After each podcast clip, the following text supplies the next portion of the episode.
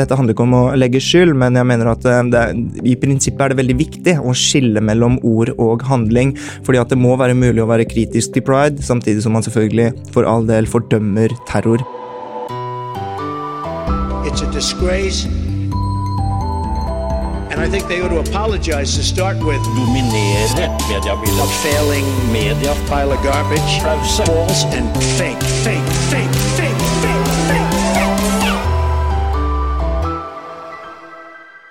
En klok og dyktig samfunnsdebattant. En som står oppreist i stormen. Slik beskrives redaktøren i Subjekt i diverse kommentarfelt på Facebook. Likevel så opplever han hets, trusler og møter som regel kritikk hver gang han uttaler seg. Men trives egentlig Danby Choi med å lage debatt? Det skal vi finne ut av i dag i Pressepodden. Velkommen hit, Danby Choi. Tusen takk. Mitt navn er Kristine Sterud. Vi skal prate om ytringsfrihet og også litt om pride. Vi skal prate om pressestøtte, og vi skal finne ut hva slags journalistikk Subjekt egentlig driver med. Men først så skal vi ha noen ord fra våre annonsører.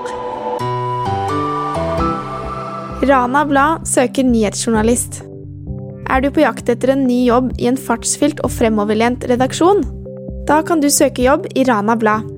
Her vil du få varierte og utfordrende oppgaver i et pulserende miljø, hvor du får jobbe sammen med dyktige og engasjerte kolleger. Les mer om stillingen på stilling.m24.no. Bestill bannerannonsering på Medier24 i sommer og få halv pris. Du kan nå få 50% avslag på våre bannerprodukter. Tilbudet varer til 1. august. Ta kontakt med oss på annonse at medie24.no. Vips! Nå får du abonnement på Medie24 med Vips. Klikk deg inn på m24.no. Eh, Danby, når vi sitter her i studio nå, så er det ikke engang ei uke siden at det var terror i Oslo. Det var en mann som eh, skøyt rundt seg på gata. Han er nå sikta for eh, terror, han er sikta for drap og han er sikta for drapsforsøk. Og dette skjedde natt til den dagen det skulle være den store Pride-paraden i byen, og den endte opp med å bli avlyst. Hva tenkte du om det? Du, det er eh, helt uh, grusomt, og mine dypeste tanker går til uh, etterlatte, skadde og pårørende etter den hendelsen. Og så har det vært min jobb som kulturredaktør, men også kommentator. Jeg ble hanket inn til NRK ganske fort og kommenterte dette tidlig i morgentimene dagen etterpå, gjennom hele helgen egentlig, og prøvde å se dette i et større bilde og kommenterte både reaksjonene på sosiale medier, men også egentlig betydningen av et sånt angrep. Og, jeg er jo enig i det Erna Solberg sa, at dette er et angrep på kjærligheten. Men eh, jeg mener også at det er et angrep på ytringsfriheten, som jeg jo bryr meg veldig mye om. Eh, og, og, det er det på særlig to måter. Det ene er at eh, den Pride-paraden ble jo avlyst som følge av dette, og det mener jeg vi journalister må stille mange flere kritiske spørsmål til. Eh, fordi at det er politiets jobb å faktisk sørge for at vi kan demonstrere i gatene. Det er grunnlovsbestemt. Og, og sikkerhetstrusler finnes overalt, og politiets jobb er ikke å avlyse. Når myndighetene avlyser en demonstrasjon, så sender det et veldig uheldig signal. Selv om det er sikkerhet, så, så er det altså å gi terroristen rett, selv om man ikke har lyst til å si det. Eh, det andre er at eh, dette har en veldig nedkjølende effekt på ytringsfriheten for homofile og skeive. Eh, det handler om at Ytringsfrihet er jo mer enn bare ord. Det handler om hvordan vi uttrykker oss, hvordan vi kler oss og alt mulig sånt. Og det er klart at dette vil ha en nedkjølende effekt på hvordan vi tør å leie hender i gatene, om vi tør å uttrykke oss sånn som vi egentlig vil, nettopp fordi at vi er redde for fordømmelsen, fordommene og volden som dette nå har demonstrert. Da. Det er jo mye følelser, og alle syns jo dette er vondt og sårt eh, på, på forskjellige plan. Når du gikk der på NRK og sa disse tingene, for du var egentlig ganske kritisk til, som, til de vurderingene politiet tok, mm. hva slags reaksjoner var det du fikk da? Du, eh, Det har vært eh, ganske mye på Twitter særlig, men overalt. Og særlig på Twitter så er det jo minst redigert, oppfatter jeg det som. Og de, det går på alt mulig, altså. Det har vært Eh, men eh, noe som har vekket eh, mye debatt i det siste og engasjement, det er jo egentlig da jeg gikk ut mot dem som skyldte på undertegnede, men ikke bare meg, men også Tonje Gjevjon og Anders Noreng, som var kritisk til FRI sitt undervisningsopplegg til barn. Alle som på en eller annen måte har vært kritiske til pride, de fikk nå skylden da, på Twitter, eller del, delvis skyld, for å ha skapt et debattklima som angivelig skal ha bidratt til å liksom hause opp stemningen, og derfor skjedde liksom terroren. Men det, har, har, du det? Eh, nei, og jeg tror at eh, de fleste som leser Subjekt, vil forstå at vi ikke har radikalisert en eh, islamist, eller eh, som dette etterforskes som. Og politiet har jo gått ut og sagt allerede at eh, dette eh, mest sannsynlig er islamistisk motivert, men også en psykiatrisak. uansett, det, det, det, dette handler ikke om å legge skyld, men jeg mener at i prinsippet er det veldig viktig å skille mellom ord og handling, fordi at det må være mulig å være kritisk til pride, samtidig som man selvfølgelig for all del fordømmer terror terror. Og Forskjellen som jeg er veldig opptatt av å si, er ikke mellom deg og meg hvis vi er uenige i en sånn horisontal akse. Vi, er, vi bruker begge ytringer. Forskjellen går eh, vertikalt, hvor vi som bruker ytringer, versus dem som svarer på ytringer med vold. Det er der vi skal være, det er der vi skal sette grensen. ikke sant? Eh, og må, ja. At vi er uenige om sak og ytrer dette, det er jo bare positivt. Og det går det an å beholde. Vi klarer å beholde ytringsfriheten uten, uten uh, å liksom gå på kompromiss med at vi uh, straffer eller straffeforfølger terror og vold. Men hvordan tenker du på uh, altså dette med tid og sted, og når ting nylig har skjedd, så sitter jo folk med en klump i magen. Føler du at du må være mer eller mindre kritisk? Eller altså, Påvirker det noe hvordan du formulerer det, når du vet at nå er det mye følelser i sving? Nå er det rett og slett mye nærmere enn sånn sånn type hendelser, da? Ja, det er klart. Vi dropper jo alle planene vi hadde den lørdagen og søndagen, og fokuserer på pride i stedet. Og det er selvfølgelig sånn at når jeg kommenterer, så skal jeg jo eh, liksom ha eh, den sinnsstemningen i bakhodet. Samtidig som vår jobb som kommentator og vår jobb som redaktører er å ha, tenke litt kaldt og holde hodet kaldt og klare å se det store bildet likevel. Eh, at man, at man faktisk prøver å kommentere dette så saklig, oppriktig og riktig som mulig. Og da krever det faktisk en viss avstand, men også å berøre litt eh, ømme punkter. og Det betyr ikke at jeg skal starte nye debatter eller at man skal prøve å legge skyld. altså Det er jo en pågående etterforskningssak, men likevel så, så må man eh, klare å eh, til en viss grad, det handler om hvor man setter den grensen, også diskutere hvordan man skal reagere på dette allerede dagen etter. For det er da man begynner å reagere på det også. Hvor er det du setter den grensa? Du, jeg tenker at jeg Man kan Altså den grensen satte jeg jo i helgen, da, da noen begynte å peke på samfunnsdebatten som skyldig i å ha eh, legitimert eller bidratt til terror. Eh, da tenker jeg at eh, det skal man faktisk ikke bare la gå, og heller ikke bare la gå som følelser, men faktisk prøve å, prøve å motsi dette. Det viktigste for meg var jo ikke, ikke det var ikke meg det var synd på, det var ikke noe sånt, men det viktigste er at det ikke etablerer seg i samfunnet et sånt bilde at samfunnsdebatten er skyldig i terror, for det er ene og alene handleren, den som har begått disse, denne masseskytingen, som har skyld i det. Og så kan man selvfølgelig eh, gå nærmere inn på liksom eh, grunnen til dette, men det må man gjøre også eh, litt i tråd med etterforskningen og hva vi vet. Ta ting litt etter hvert også. Klart. Men hvordan er det, for Én ting er dette som skjedde nå i helga, den debatten har stått til nå. Men det er jo mange som vil uh, si at du har vært ute en vinternatt uh, før. Altså, Hvordan er det å være Danby Choi når du har uttalt deg på TV eller på radio, og så sjekke innboksen etterpå? Du, eh, Det er eh, stort sett eh, veldig hyggelig, men vi rører jo i gryta og stikker fingeren inn i vepsebolene ofte, så vi, vi, vet jo at det er ganske tøft å være kritisk i ordets rette forstand journalist. Og, og, men det er en pris vi gladelig betaler for det engasjementet vi har for samfunnet og for å bidra til utvikling. Hvordan, hva gjør det med deg som person? Sover du, sover du godt om natta? Høres litt sånn klisjé ut, men blir ja. du engstelig? Kvier du deg etter å ha stått i sånne stormer? Uh, nei, jeg har fått uh, stadig tykkere hud, og det er jo også noe man må bygge opp uh, internt i redaksjonen, og sånn, og som vi har fått hele gjengen, og, og, begynner å bli vant til dette. Og vi tror veldig på saken vår, og, og, gir oss ikke før vi har fått en saklig innvending og en saklig kritikk. Og hvis den er riktig, så beklager jo vi. Og, og vi er bare opptatt av at rett skal være rett, og da skal vi også ta i brennhete, vanskelige temaer også. Du sier rett skal være rett. Eh, nå går vi kanskje litt sånn, eh, litt sånn uh, vidt ut her, men, men, hvem er det som bestemmer hva som er rett? Nei, jeg tenker at man I saker som ikke tas i av berøringsangstgrunner, så tenker jeg at det var i den konteksten jeg tenkte på det. Da skal vi likevel eh, ta i det og ikke være redd for eh, de følelsesutbruddene eller de reaksjonene vi vet at kommer til å komme.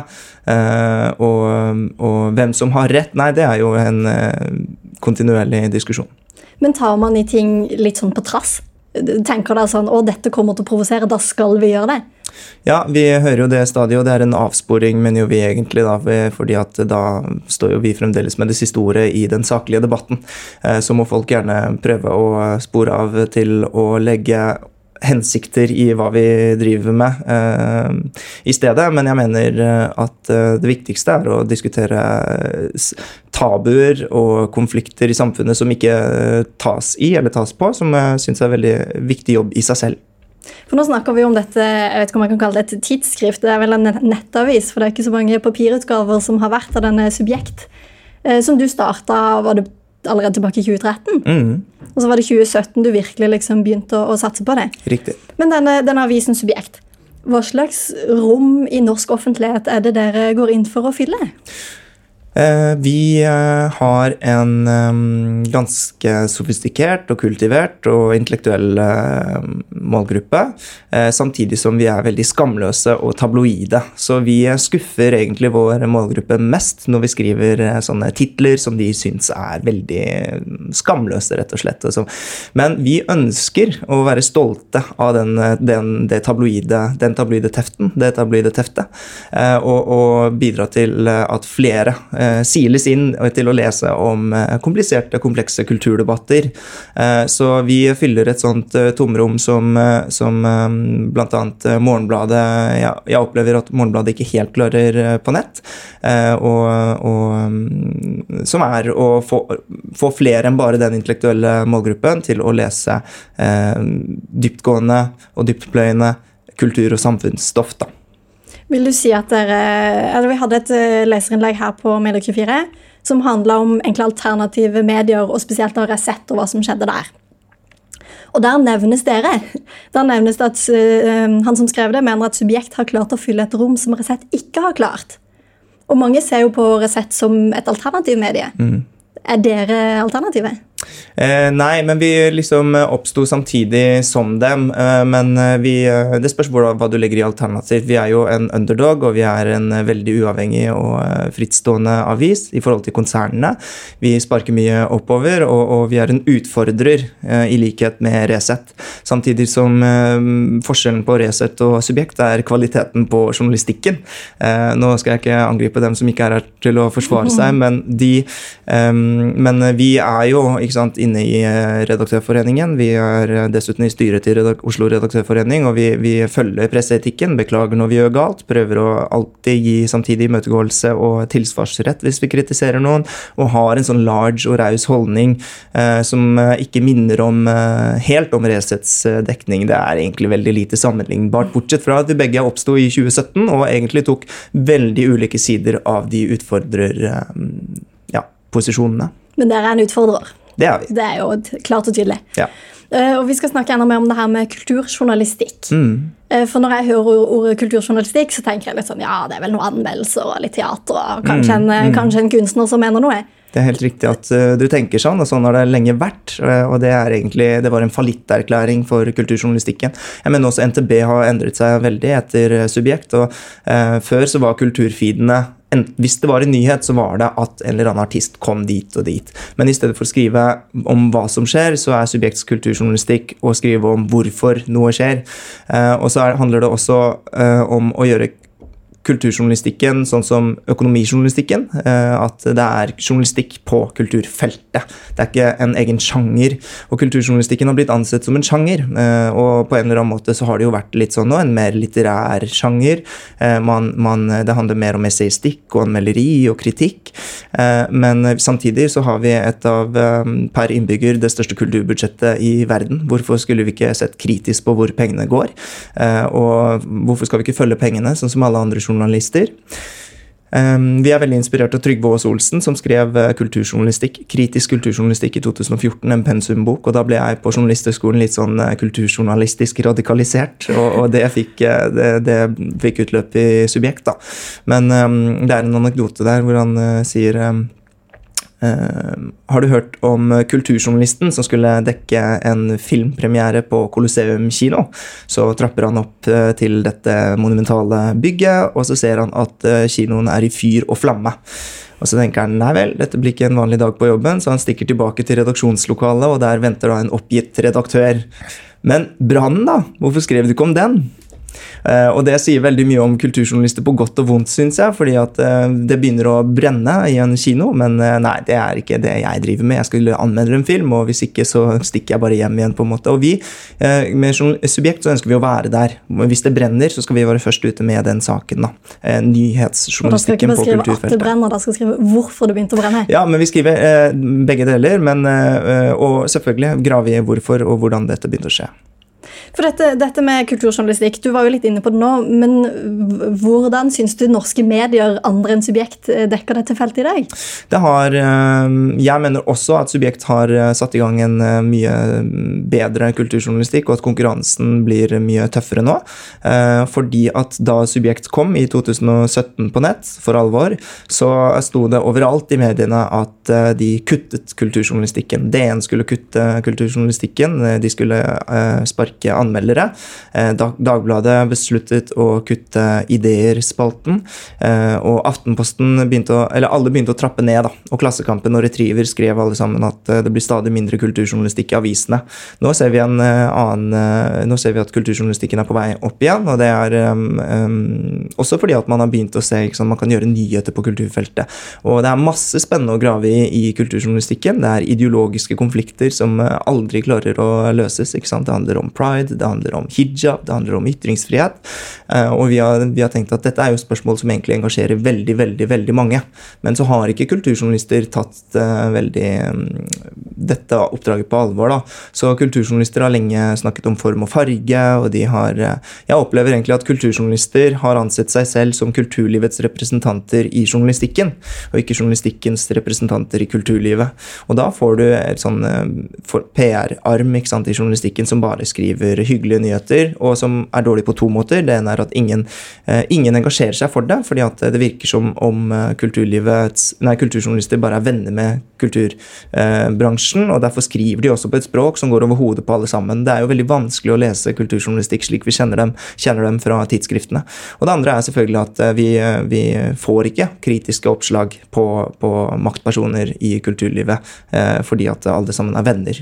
Så det bikker litt over til den der eh, underholdningsjournalistikken? Det er det det gjør. Rana Blad søker nyhetsjournalist. Er du på jakt etter en ny jobb i en fartsfylt og fremoverlent redaksjon? Da kan du søke jobb i Rana Blad. Her vil du få varierte og utfordrende oppgaver i et pulserende miljø, hvor du får jobbe sammen med dyktige og engasjerte kolleger. Les mer om stillingen på stilling.m24.no. Bestill bannerannonsering på Medie24 i sommer og få halv pris. Du kan nå få 50% avslag på våre bannerprodukter. Tilbudet varer til 1. august. Ta kontakt med oss på annonse at medie24.no. Vips! Nå får du abonnement på Medie24 med Vips. Klikk deg inn på m24.no. Men jo dette med, med, med kulturjournalistikk. For én ting er liksom teater, anmelderi, alt det der. Men du nevner jo ytringsfrihet, pride, de liksom kulturelle debattene. Mm. Hvordan, er er balansen der på hva dere dekker av ja, galleriåpninger og ytringsfrihetsspørsmål? Uh, vi er eh, veldig mye av begge deler, i hvert fall i forhold til eh, budsjettet vårt og størrelsen vår. Vi er sammen med Klassekampen eh, de som publiserer flest kunstanmeldelser i året. Men dette er noe mange glemmer, og det er på en måte noe vi må ta skyld i sammen. fordi at det er noe de ikke får opp på Facebook-feeden, f.eks. For eksempel, fordi at algoritmene sier at det ikke skal spres like mye. Det er også noe de, de følelsesmessig ikke blir like engasjert i, som når vi skriver om ytringsfrihet eller hijab, og så videre, som er grunnen til at man tenker at kanskje kulturkrigdekningen vår er eh, enorm i forhold til liksom, kulturanmelderiet vårt. Men sånn i sammenheng så er vi mye bedre i mediemarkedet på kunstanmeldelser. Eh, sånn unikt sett. Eh, unikt for subjekt er egentlig det. Så hvis du leser høyskolen En av de beste. Ja, men hvis du leser på um, Høgskolen i Voldas uh, analyse av hva subjekt egentlig er, for da driter du jo i Facebook-algoritmen og hva de får opp på Facebook, men ser liksom på produksjonen vår, så er det jo helt annerledes bilde enn hva mange, mange oppfatter, også i hvert fall kritikerne våre. da. Men, uh, men uh, Og så er det også sånn Jens Kiel i Bergens Tidende tok et skjermdump av forsiden vår og skrev sånn Ok, her er det tre innlegg om transseksualitet, er det tre, og så kommer tre innlegg om ytringsfrihet Subjekt. Jeg trodde Subjekt var en kulturavis.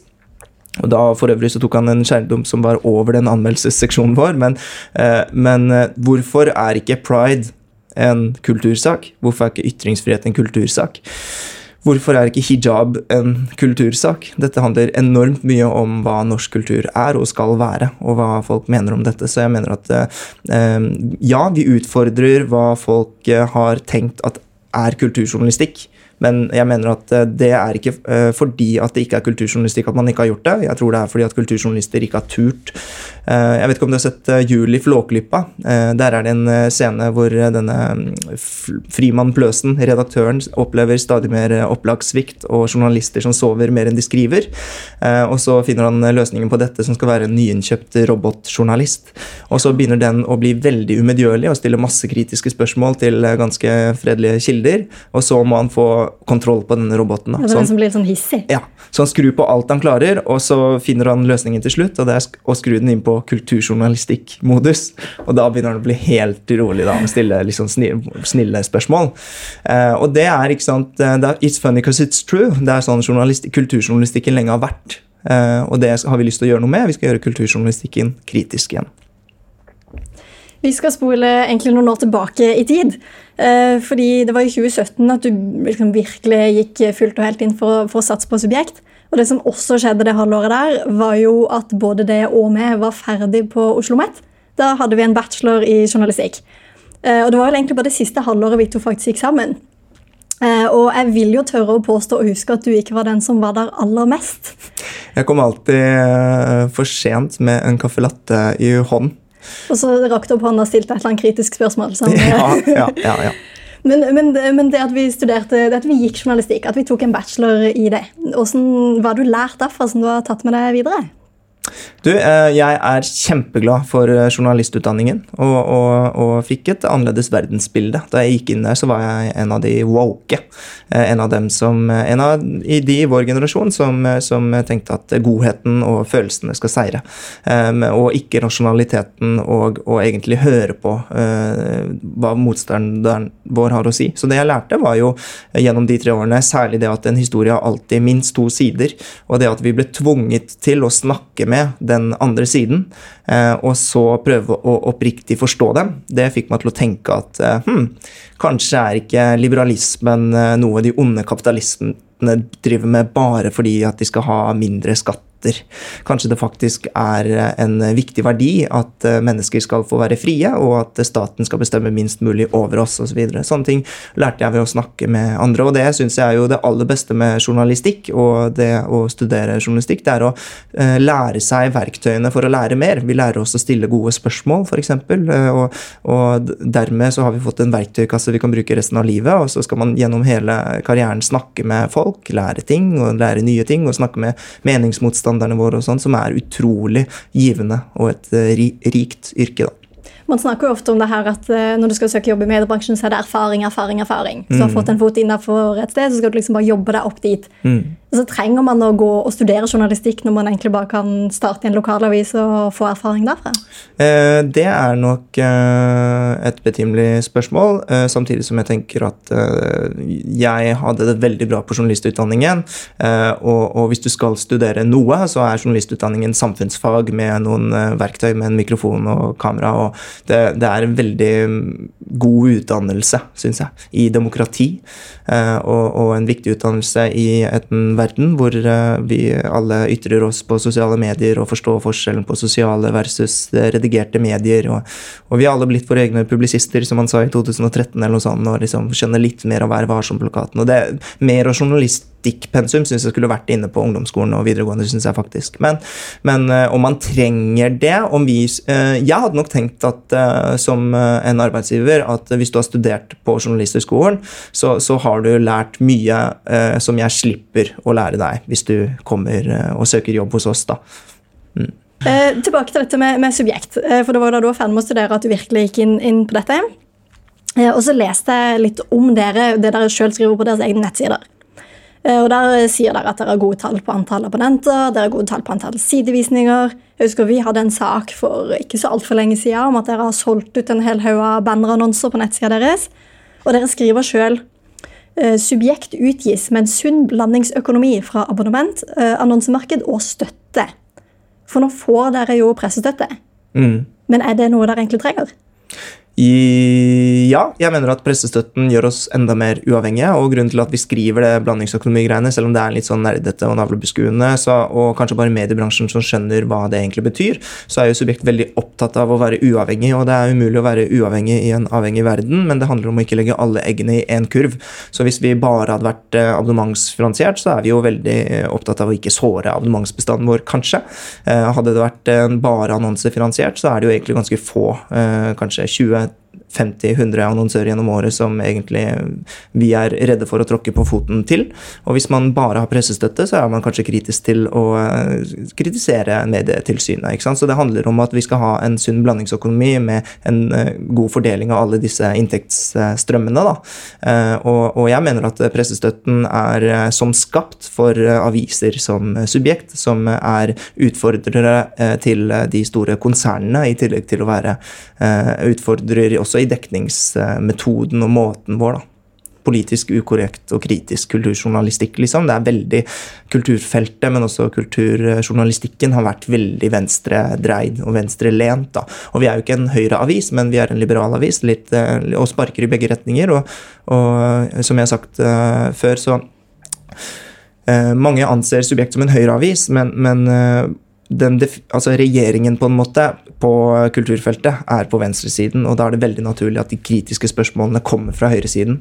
Eh, sånn som eh, Dagsnytt 18 også hadde eh, har, sparker mye mer mot venstresiden når det er venstresiden som er i regjering.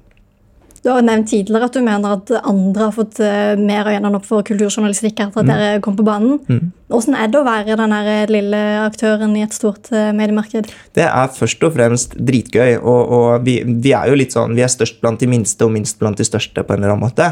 Og, og blant de tidsskriftene på papir, og som er litt annerledes i sjanger òg, det er langlesning, enda mer dyptpløyende og sånn, eh, så er vi størst. Eh, og blant de store konsernene og avisene så er vi jo minst. Og det er gøy, for da kan vi føle oss både gode og resultatmålorienterte og, og være fokuserte på å ha nådd mål og stolte av det, og samtidig sparke oppover. og Sparke mm, konsernene i leggen og, og litt sånn. Eh, som jeg syns er eh, et veldig morsomt sted å være. Du snakker om dette med høyreside, venstreside. Du, du, blir jo, altså du er en samfunnsdebattant mm. i tillegg til å være redaktør og i tillegg til å drive denne eh, avisen. Mm. Har du tid til alt sammen? Uh, ja, jeg går veldig fort, som alle mine venner sier, og, og, kommer meg fra sted til annet. Uh, annet. Men, uh, men, det handler også om at jeg syns det er gøy, så det går liksom Jeg går, stikker ikke fra jobb 17.00 hvis jeg sitter med et eller annet som jeg syns er gøy. og det går veldig i hverandre alt sammen. Så, og, og, sånn er det med, sånn er det med på kontoret vårt også. Det er sånn jeg må sparke folk ut. Folk sitter fordi det er gøy å sitte lenger og begynner å knekke en pils. Og det er veldig god stemning. Ja. For du er jo en tydelig stemme i veldig mange debatter. Mm. Men eh, tenker du av og til på den rollen som redaktør og uavhengig, uavhengig kontra hva du sjøl eh, mener og føler og, og sier høyt på TV? Uh, ja, og samtidig som eh, det er eh, Det har vært ganske viktig for subjekts utvikling, egentlig. At i hvert fall frem til nå så har jeg prøvd å armbue, fekte meg frem for å illustrere hvor mye ytringsrom vi har, og hvor mye vi kan operere innenfor. Og, må, og er, flere av skribentene er jo enda modigere enn meg ofte, og, og, og jeg mener jo at vi sammen liksom skal utvide dette ytringsrommet og illustrere hvor de grensene kanskje går, før det blir hets og trakassering og trusler.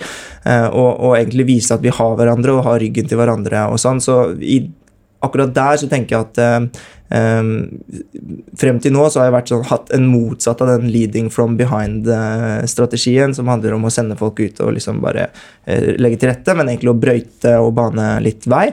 Uh, men det har ikke vært så veldig sånn lederstrategisk. Det handler også om at jeg har vært ansatt alene til å begynne med. Har, vi har hatt veldig få muskler på en måte som organisasjon, og, og da må man både skrive kommentarer og nyheter, selv om liksom man helst ikke skal gjøre det i starten. ikke sant? Eh, eller helst ikke skal gjøre det. Så jeg måtte gjøre det i starten. Eh, og, og det har vært litt sånn, men, men, nå merker jeg at eh, spaltistgjengen vår er jo, de er jo mye smartere enn meg, og, og anmelderne våre er mye bedre til å anmelde kunst enn meg, så, så det, det, vi har kommet til et veldig bra sted, men frem til nå så har jeg gjort litt mye av alt, da. Men samtidig som redaktører er jo Vi skal jo mene ting i samfunnet. Så, så, så, jeg er der når det, når det, skjer Når det er pride-terror, og når det er pride-debatt for øvrig også. Da er det du som stiller opp. Eh, dette med, med subjekt, du nevner dere har en rekke spaltister, dere har en rekke frilansere, anmeldere. Ifølge nettsida er dere tolv faste ansatte i selskapet. Mm. Hvor stor er det Subjekt skal bli? Eh, da jeg for tre år siden eh, så for meg hva Subjekt skulle være, så, så, tenkte jeg at jeg er fornøyd om vi blir ti ansatte og fyller dette huset med, på Grünerløkka med liksom ti folk og klare å være det. Men nå er det jo Det kommer ikke på tale å gi seg nå. Sant? Vi skal jo vi skal bli større enn eh, Morgenbladet, og vi skal eh, bli store. Dere skal bli store. Da skal vi rett og slett eh, sette strek i presspodden for denne gang og ønske dere lykke til med det. Takk for at du var gjest her, redaktør i Subjekt, Danby Choi. Tusen takk. Og mitt navn er Kristine Sterud. Og Medier24-redaksjonen består i sommer av Isak Brønseth, Endre Simonsen, Toril Henriksen og Kent Olsen. Ansvarlig, konstituert ansvarlig redaktør er Jan Magnus Weiberg Aurdal.